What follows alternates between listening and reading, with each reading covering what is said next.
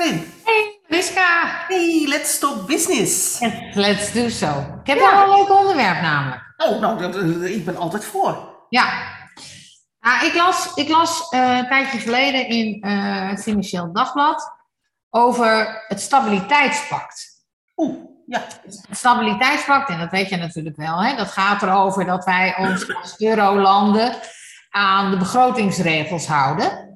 Ja. En, eh, nou ja, en dat was natuurlijk in de coronaperiode wat moeilijk, hè? de pandemie in 2020. En die heeft ingeleid dat de Europese Commissie toen heeft bepaald van, nou ja, oké, laten we een keer eh, een waiver, noemen we dat in corporate Nederland. Hè? Laten we een waiver geven. Dat betekent dat je even niet aan de regels hoeft te houden.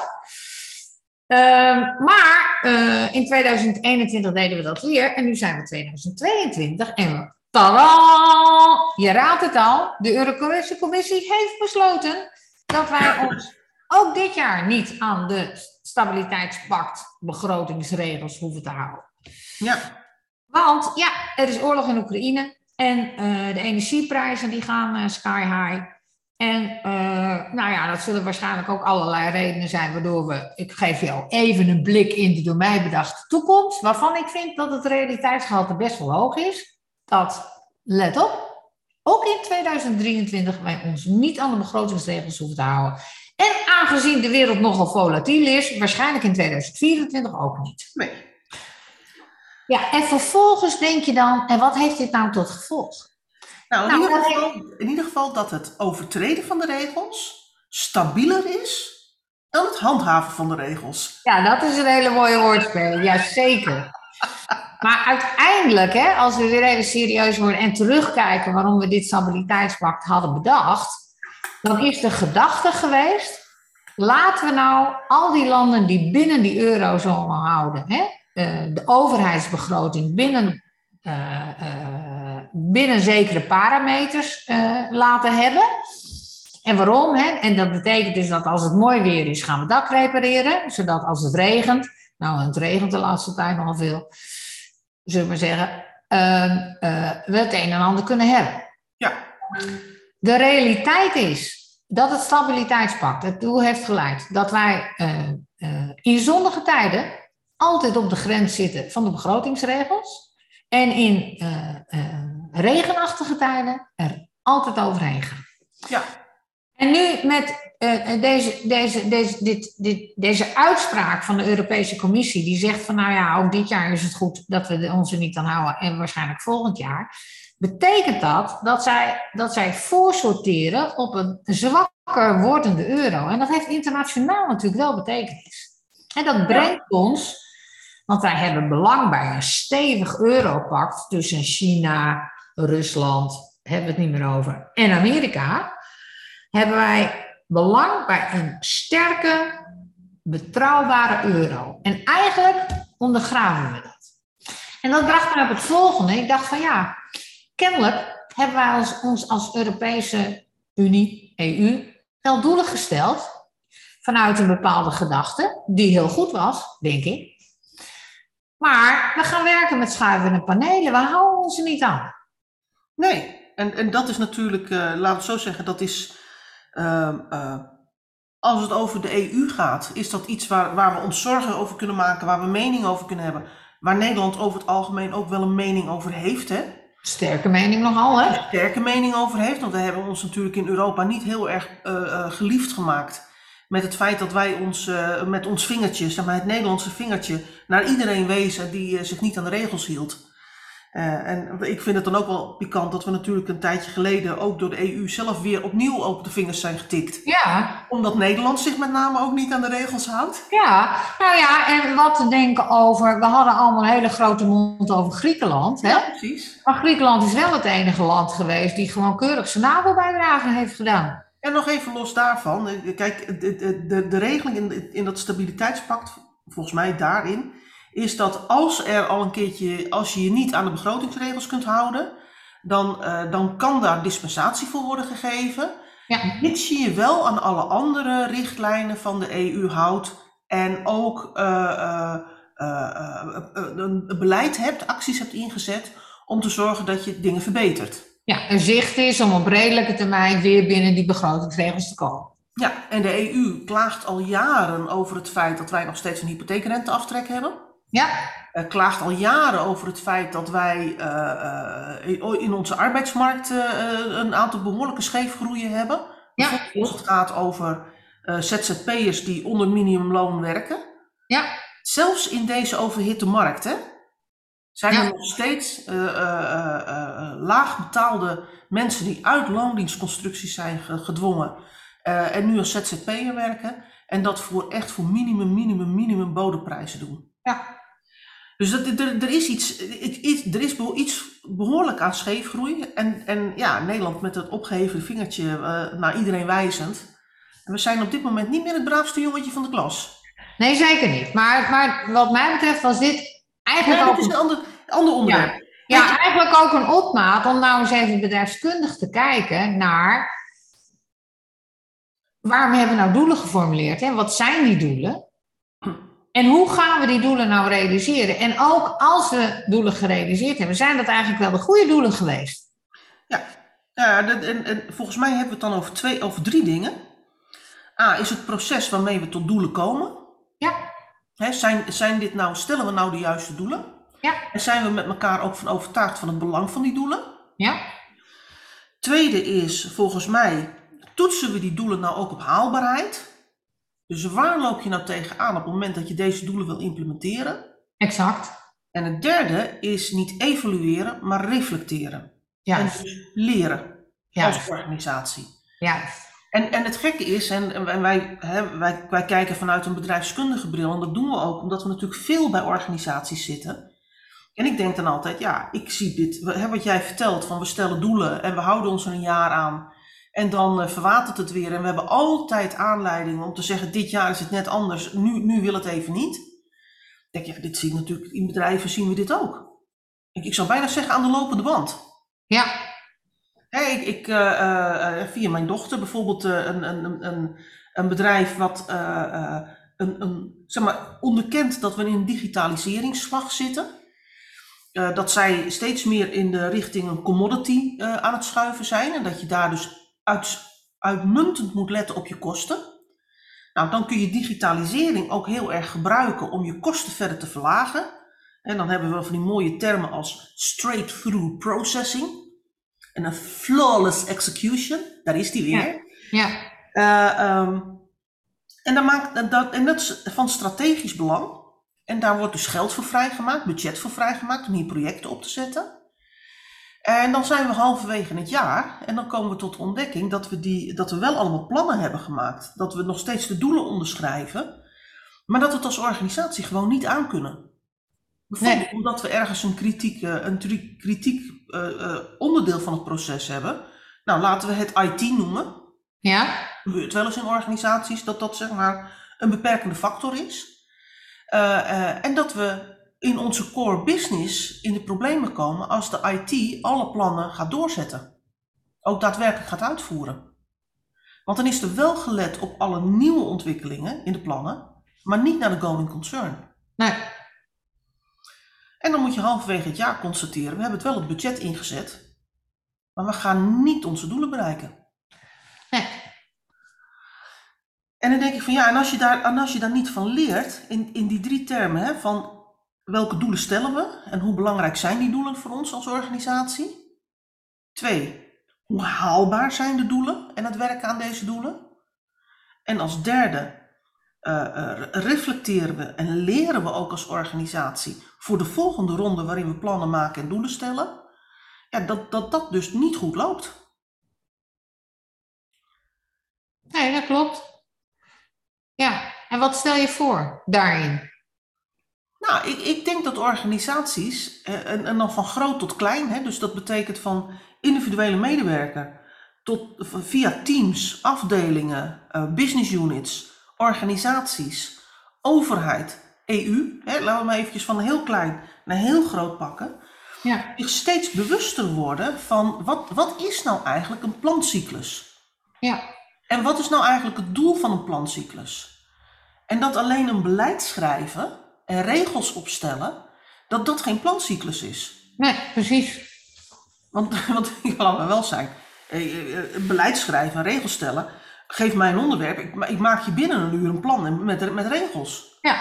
Maar dat wil niet zeggen dat het uitvoerbaar is. Nee, exact. Dus dat is even wat anders. Ja. Denk je nou zo'n casus die ik nu schets over dat stabiliteitspact bij de Europese Unie, hè? of de Europese Commissie gaat daarover volgens mij. Denk jij dat zij met elkaar kijken? Het is natuurlijk waanzinnig moeilijk om internationaal om al die, al die neuzen al de, dezelfde kant op te krijgen. Hè? Dus ik bedoel, dat vraagt natuurlijk heel veel in het onderhandelingsproces. Maar eigenlijk zou je ook daar moeten kijken als voorzitter van ja, hoe haalbaar is dit nu? En waar, waar gaan we tegenaan lopen? En, en de what-ifs uit, uitrekenen. Hè? Want ze hebben landen als uh, die Zuid-Europese landen, die begrotingstechnisch traditioneel altijd al anders in elkaar zitten dan Noord-Europa, hebben ze allemaal wel toegelaten. En dat hebben we met, met, met uh, ja, dat hebben, dat hebben we natuurlijk bewust gedaan. Hè? Ik bedoel, iedereen was daar met zijn, eh, met zijn hoofd en zijn hersens en zijn lijf bij. Uh, zou dat een optie kunnen zijn voor dat soort instituties? Toetsen op haalbaarheid? Nou, ik denk het wel. En ik denk dat ze daar dus ook veel meer moeten gaan doen aan scenario-analyse. Ja. En kijk, ik, ik denk zeker in zo'n politieke arena als de EU of de Europese Commissie, of nou ja, hè, wel, welk uh, internationaal uh, systeem je daarop op kunt hangen. Uh, het met elkaar echt onderzoeken. Wat zijn de, waar liggen de belangen van de individuele deelnemers? En wat beïnvloedt die belangen? Dat dat uh, een, een, een, belangrijk onderdeel is van komen tot betere doelen. Ja. En wat ook voor een scenarioanalyse, uh, dan is het belangrijk om te weten wat er in die nationale overheden, wat daar allemaal speelt en wat voor druk en spanning en machten daar zijn. Ja. Uh, zodat je ook weet van, gaat een land, hè, is dit nou een, ik noem het maar eventjes, een, een ja op de plannen voor de bühne? Of is dit een ja op de plannen omdat wij het echt belangrijk vinden? Precies. En dus ook de, de haalbaarheid zo maximaal groot mogelijk willen maken met elkaar. Ja, en, en dus als er op nationaal niveau keuzes gemaakt moeten worden, dat, dat buiten kijf staat dat de, de, de overkoepelende afspraak die we hebben gemaakt in de Europese Commissie, dat die in ieder geval staat. Ja. Omdat dat het meest belangrijke is waar wij, eh, zeg maar ook als, als Nederland, bij aan moeten sluiten en ons aan moeten conformeren en daarin moeten realiseren. Ja, en nu is, is mijn voorbeeld denk ik op onderdelen ook wel een beetje flauw, dat geef ik meteen uh, toe. Omdat er natuurlijk ook legitieme zaken spelen. Hè? Zoals de coronapandemie heeft een enorme impact gehad financieel. Ja. En, uh, en ik denk ook, hè, en daar ben ik, uh, ben ik, ja, maar ja, dat is gewoon internationaal. Hè? Als je kijkt naar de impact op bijvoorbeeld in Italië in het begin.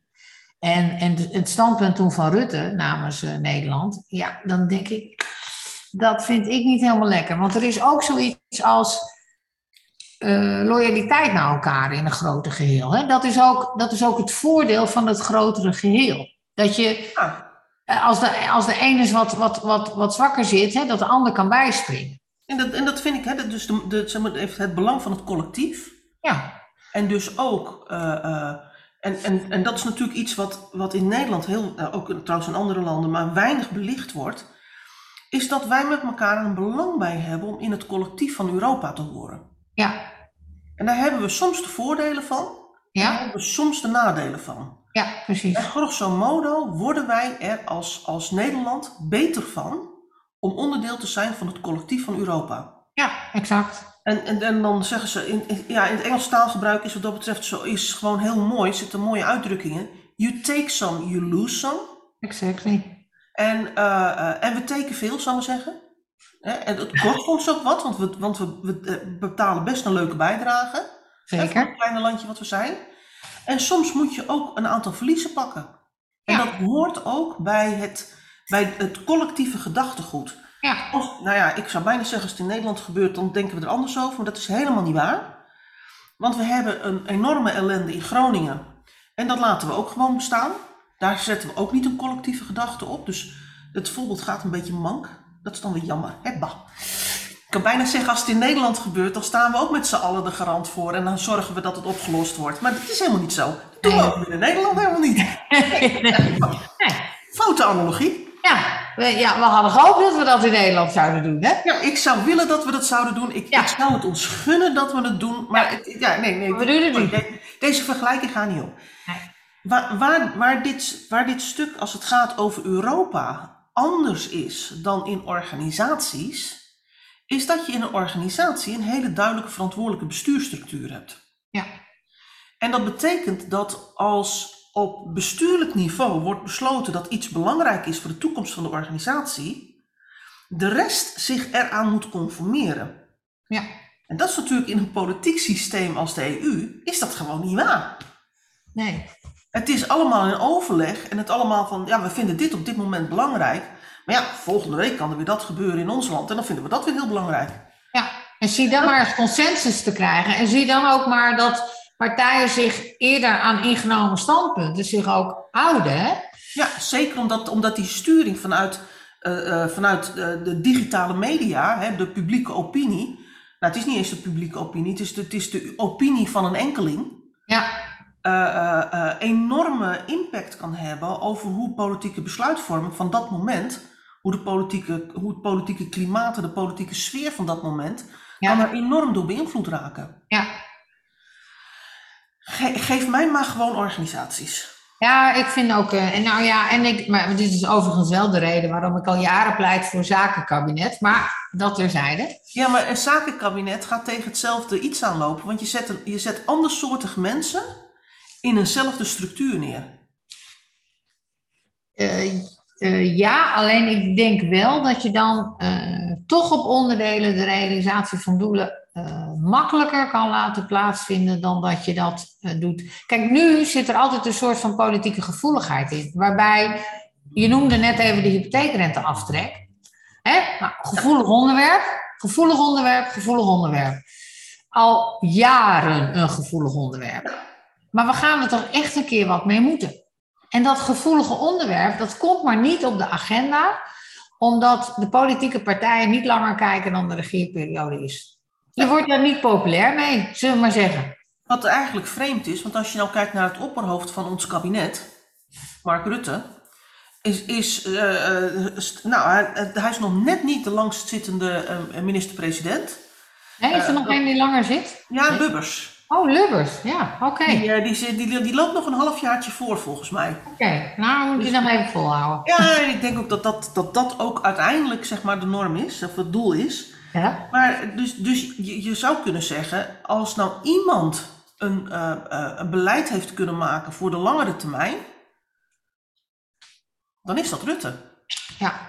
Maar ja, die heeft altijd geroepen van een visie heb ik niet, want die zit alleen maar in de weg. Ja, nee, en daarbij komt dus dat, dat, dat politieke electoraten en, en stemmetjes willen winnen om te kunnen regeren. En daarbij niet de zaken benoemen die, die echt ter zaken doen, hè, die echt moeten worden aangepakt. Denk bijvoorbeeld ook aan de financiering van de AOW. Ja, dat is, dat is ook al jaren niet meer houdbaar. Ja. Maar ja, er komt geen, het wordt niet aangepakt omdat het dermate gevoelig is hè, dat, dat, dat eh, je daar de handen niet van op elkaar krijgt. Ja. Ja, dat, goed, is, een beetje af. Kijk, ik, ik denk uiteindelijk, Mariska, dat je. ehm, eh, dat, dat dit voorbeeld van dat stabiliteitspact heel erg ter zake doende is voor de situatie wat we heel vaak in bedrijven ook zien. ja, dat denk ik ook. En in bedrijven, laten we wel zijn, in bedrijven is de context toch wat eenvoudiger om die haalbaarheid van doelen wel groter te maken. En ook daar lukt het vaak niet. En ook daar lukt het vaak niet. Nee, dus dat, dat, dat, dat moet eigenlijk, eh, daar zouden we de conclusie uit kunnen trekken dat we eerst maar eens moeten beginnen in organisaties om dat zeg maar goed te laten verlopen. En dat we het ambitieniveau om dat in de EU of in de Europese Commissie goed te laten lopen, dat we dat nog eventjes moeten parkeren. Oké, nou ja. Schoorvoetend dan? Nou ja, nee, maar kijk, ik bedoel, het is, het is heel makkelijk om het te hebben over de EU, omdat het ook ver weg is, hè? Zeker. En, het, en het, het, het, het gaat me ook meer als voorbeeld over hoe doelen dus niet gerealiseerd worden. En Ja, hoe precies. makkelijker je ook afstapt van je afhankelijk eh, voorgenomen plan. Hè, want, en daarom noem ik ook met opzet eh, de sterkte van de koers van de euro.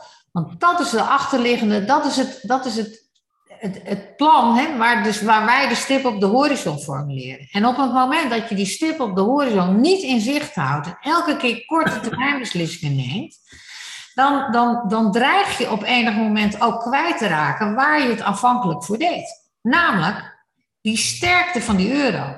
Ja.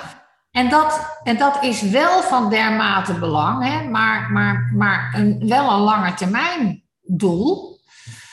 Uh, zodat het makkelijker is in het hier en nu te gaan zitten en je over te geven aan datgene wat nu speelt, wat nu actualiteit moet hebben, wat nu niet mogelijk is, om de lange termijn maar uit te stellen. Maar zoals ik in de blog ook zit, zei, voordat je het weet, hè, want dit gaat over de toekomst, maar voordat je het weet, zit je er middenin.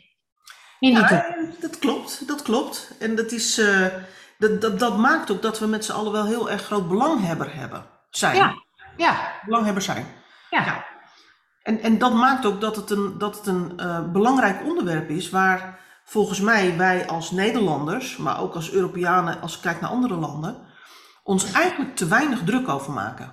Ja, en, daar, en in die zin zou de Europese Commissie wel van ons kunnen leren. Hè? Om, om elke keer uh, het niet te hebben over het, het oprekken van die begrotingregels, wat ik op onderdelen ook heus wel snap. Maar wel in het kaart te houden van, ja, en wat doet dat met ons uiteindelijk doel? Die sterkte van die euro. Ja. En zijn er dan zaken die we wel kunnen doen, zodat we uiteindelijk wel in die sterkte van die euro voorzien? Ja. Want daar deden we het voor. Ja. En, en, en dat vind ik dus kwalijk, uh, bedrijfskundig kwalijk. Niet dat je, dat je een waiver geeft en zegt, nou, voor die of voor die of voor ons allemaal gelden dit jaar de begrotingsregels even niet. Maar dat we niet, uh, zeg maar, reproduceren waarom we die begrotingsregels nou eigenlijk hebben, wat het doel daarmee is. En dat we ons de vraag stellen, komt ons doel nu ook, ons langetermijndoel ook ter discussie te staan? Ja. En dat vind ik jammer, want dat is namelijk wat er gaat gebeuren. En dat brengt ons uiteindelijk uh, met een zwakkere euro uh, economisch verder op achterstand. Waardoor het naar de toekomst toe ook aannemelijk is dat we ook dan die begrotingsregels niet gaan halen. Ja. He, dus we komen in een soort van spiraal naar beneden. En die discussie wordt niet gevoerd. En dat vind ik bedrijfskundig eigenlijk een gemist kans. Want misschien zijn er, dat weet ik niet, ik weet te weinig van uh, Europese politiek, want misschien zijn er wel mogelijkheden om die, uh, om die euro wel te versterken, maar dan op andere gebieden. Ja, ja, vast. Ik heb geen idee. Het is ook monetaire, monetaire economie en monetaire politiek is niet mijn. Uh, nee, nee, ook niet mijn ding. natuurlijke habitat. Nee, maar, maar het gaat even om het voorbeeld, hè? Ja. Ik bedoel, uh, als wij zeggen van wij willen volgend jaar in Rome zijn. en we constateren nu Duitsland is afgesloten. En volgend jaar is Duitsland ook afgesloten. Dan zouden we kunnen zeggen van ja, dit jaar is Duitsland afgesloten en dat is niet erg. En volgend jaar is Duitsland afgesloten en dat is niet erg. Dus we komen voorlopig niet in Rome.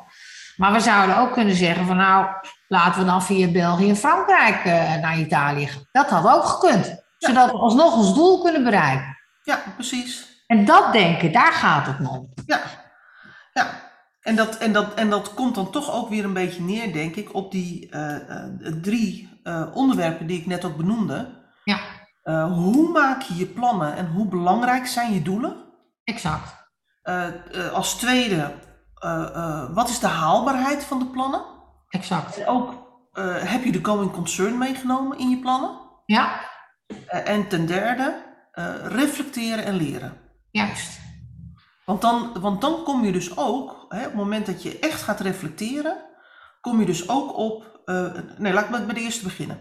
Op het moment dat je uh, uh, zeg maar op een andere manier naar je plannen gaat kijken, en dan gaat het niet meer over het stabiliteitspact, maar dan gaat het over wat is het doel achter het, het stabiliteitspact. Ja.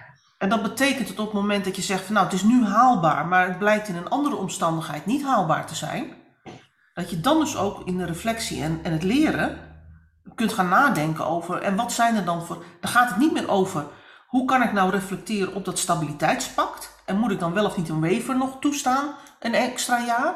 Ja. Uh, uh, maar dan kun je zeggen van ja, weet je, dat stabiliteitspact, nou misschien moeten we daar nog wel weer een waiver op loslaten. Maar waartoe diende dat pact? Ja. En hoe kunnen we op andere manieren werken aan dat doel? Ja. Het, het zou denk ik ook, hè, want dan ga, maak ik toch even weer de slag van de, van de EU als voorbeeld naar organisaties, hè, naar, wat, naar wat dichter in huis. Mhm. eh, waar we niet te maken hebben met die grote politieke eh, invloed en dat het meer een samenwerkingsverband is dan iets met een eh, sturende leiding, een beslissende leiding. En, en vervolgens een hiërarchie die gericht is op het uitvoeren daarvan en het Ja. realiseren van, van die plannen en doelen. Mhm. Ehm, zelfs als er wel eenheid van bestuur is, Ja. plannen maken. Zelfs dan zouden deze drie aanpakken, deze drie vuistregels zou ik maar bijna zeggen, eh, al, al een enorme eh, impuls kunnen geven aan eh, hoe effectief een organisatie is. Ja. Hè, want het is, het, laten we wel zijn, als ik even met al die jaren dat wij naar de organisaties kijken, efficiency staat heel hoog in het vaandel van organisaties en sturing Ja. van organisaties, Ja. maar effectiviteit niet. Nee, klopt. En uiteindelijk is effectiviteit veel en veel belangrijker dan efficiëntie. Ja, bijzonder, hè? Vind je dat niet bijzonder? Ja, dat vind ik heel bijzonder. En dat heeft, dat heeft heel erg te maken met. ja, ik, ik denk aan de ene kant het, het, eh eh het Anglo-Saxisch denken, wat natuurlijk in Europa sinds de jaren, nou laten we zeggen, de jaren 70 echt heel dominant. eh, jaren 70, ja, nee, jaren 80 misschien. Ja. In de jaren 80 is dat echt helemaal definitief gesetteld in, eh, in, eh, in West-Europa. Eh, en toen kwam echt die enorme hoos van, eh van efficiency denken. Mhm. Kosten, laat maar gewoon een beetje bij zijn naam noemen, kosten denken. Ja. en efficiency slagen. Ja. Terwijl ik denk, ja, maar weet je, effectiviteit gaat, al- is altijd het, het meest. Ik noem het, ik, je, je, je, kent mij lang genoeg, hè? We, we zitten ook vaak bij organisaties samen. En als daar die discussie over efficiency plaatsvindt, dan roep ik altijd, nou, wil je maximale efficiency, moet je al je mensen ontslaan. Ja, deuren sluiten. Ja, dus maximaal gewoon alle kosten eruit, zal ik maar zeggen. Ja. Ja, maar dan houdt de organisatie op te bestaan. Oh, was dat een doelstelling? Oh, Oké, nee, wacht even. De doelstelling is dus dat de organisatie blijft bestaan. Ja, maar dat is een hele andere doelstelling dan kosten verlagen. Ja, exact. De ultieme kostenverlaging is iedereen ontslaan, alles verkopen. Hartstikke idee. Ja. Het probleem is alleen dat je dan geen inkomsten meer hebt. Ja. Nou, einde, einde organisatie. Ja. Maar als er dus een andere doelstelling is, namelijk de organisatie bestaansrecht geven, dan moet je accepteren dat je ook kosten moet maken. Ja. Want dan betekent het dat je, dat je ergens voor staat, dat je iets wil bereiken en dat je daar activiteiten voor gaat verrichten. Ja. En dan is de afweging, hoeveel kosten mogen we maken ten opzichte van de opbrengst en de waarde die we leveren? En daar stel ik doelen voor. Exact. En je richten op die doelen, dat is effectiviteit. Juist. Dus het gaat niet over eh, doen we de dingen wel goed, maar het gaat eigenlijk over doen we wel de goede dingen. Ja, precies. En, en dat hele kostendebat hè, en lean en alles wat dan allemaal, allemaal, allemaal, om de hoek komt kijken, waar ik altijd een beetje kriebelig van word.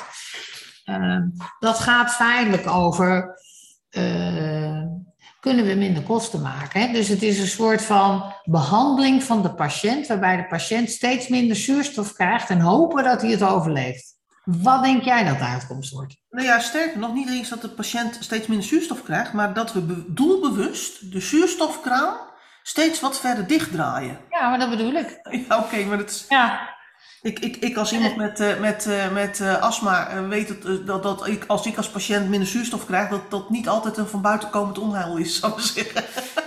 Nee, maar ik bedoelde mee hè, dat we een patiënt behandelen, ik denk aan tekort, en dat we die patiënt die zuurstof nodig heeft, steeds minder zuurstof toedienen en hopen dat hij het overleeft. En daar komt ook mijn gezegde vandaan. Kijk, het gaat in een bedrijf nooit over kosten. Het gaat altijd, wil je continuïteit hebben, het gaat altijd over omzet. Altijd. Ja. Altijd Ja. over omzet. Nou ja, ik, ik, ik zou zelfs nog wel een slag verder willen gaan. Ik zeg, het gaat altijd over waarde. Want als je waarde levert, komt de omzet wel. Zeker, zo is het ook. En, en volgens mij is, hè, en dat is ook dat, dat, dat is zeg maar bedrijfskundige eh, wijsheid, roep ik dan maar even. Ehm, je gaat als organisatie eerst nadenken over wat is de waarde die ik wil leveren, voor welke doelgroep. Ja? Daar zet ik mijn doelen op.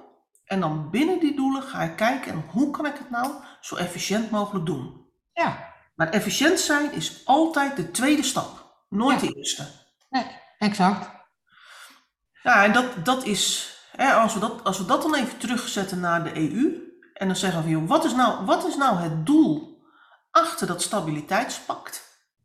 En als we over dat doel nou echt eens zijn, dat we met z'n allen belang hebben aan een stabiele, waardevolle euro, dan is de vraag, wat doen wij nou in de verschillende landen wat belangrijker is dan het hebben en bijdragen aan een stabiele, waardevolle euro? Ja. Nou, met deze vraag zijn ze nog wel even een aantal vergaderingetjes verder hoor. Dat denk ik ook. Want laten we wel zijn, er is denk ik geen unaniem beeld over wat de waarde moet zijn van Europa. Nee, dat is, dat is dus denk ik ook het probleem. Ja. En, en, Ja. Dat is, en dat is wel de makke van een politiek gestuurd systeem. Ja. Waarbij je wel met elkaar spreekt over dat iedereen het belangrijk vindt dat die, dat die euro sterk is. Hè, in verhouding tot dat, dat China pakt en, en dat, eh, dat eh, China Japan pakt. Hè, dat Aziatische eh, pakt en, en Amerika. Hè, dat we bij er belang bij hebben als we, dat wij een sterk, sterk Europa zijn met een sterke munt. Hè, Ja, maar hoe sterk dan? En, en in welke afweging sterk? Hè? Eh, want dan kom je dus in de collectieve afweging, maar je komt ook in de nationale afwegingen hè, terecht. Ja, Ja. Dat, ja, dan kun je het nog wel even praten houden, om het zo maar te zeggen. Ja. Nou, en daar zijn wij niet zo van. nee. Ik, denk wel, ik denk wel dat het goed is om nog even te memoreren dat we eh, eh, over die drie pijlers, dat we daar ook informatie over hebben. Ja, dat vind En, ik een eh, hele goede. Ja, die- laten we wel zijn. Het is natuurlijk leuk om naar zo'n podcast te luisteren. Maar ja, als we iets triggeren en, denk, en je denkt, ik kan daar binnen mijn organisatie ook meer mee. Of ik Ja. zou daar meer mee moeten. Dan denk ik dat het toch goed is om je daar even op te wijzen. Dat eh, Ja. voor iedereen die luistert. Eh, we hebben een aantal mooie blogs over dit onderwerp. En als je nou even onder deze podcast, zeg maar, er, staat, er staat een link. En daar kun je inschrijven op een, eh, op een, een, een serie met mailtjes. Waar je die podcasts, of die, die blogs ook eh, toegestuurd krijgt. En dan kun je je verder verdiepen. En dan kun je meteen ook deze methodieken toepassen in je werk. Nou, hoe leuk is Hoe dat? leuk is dat? Hoe leuk is dat? Ja. En volgens mij moeten we het daar ook even behouden, want we zijn alweer lang door de tijd heen. Ja, we houden op en volgende keer hebben we alweer een nieuw eh, onderwerp.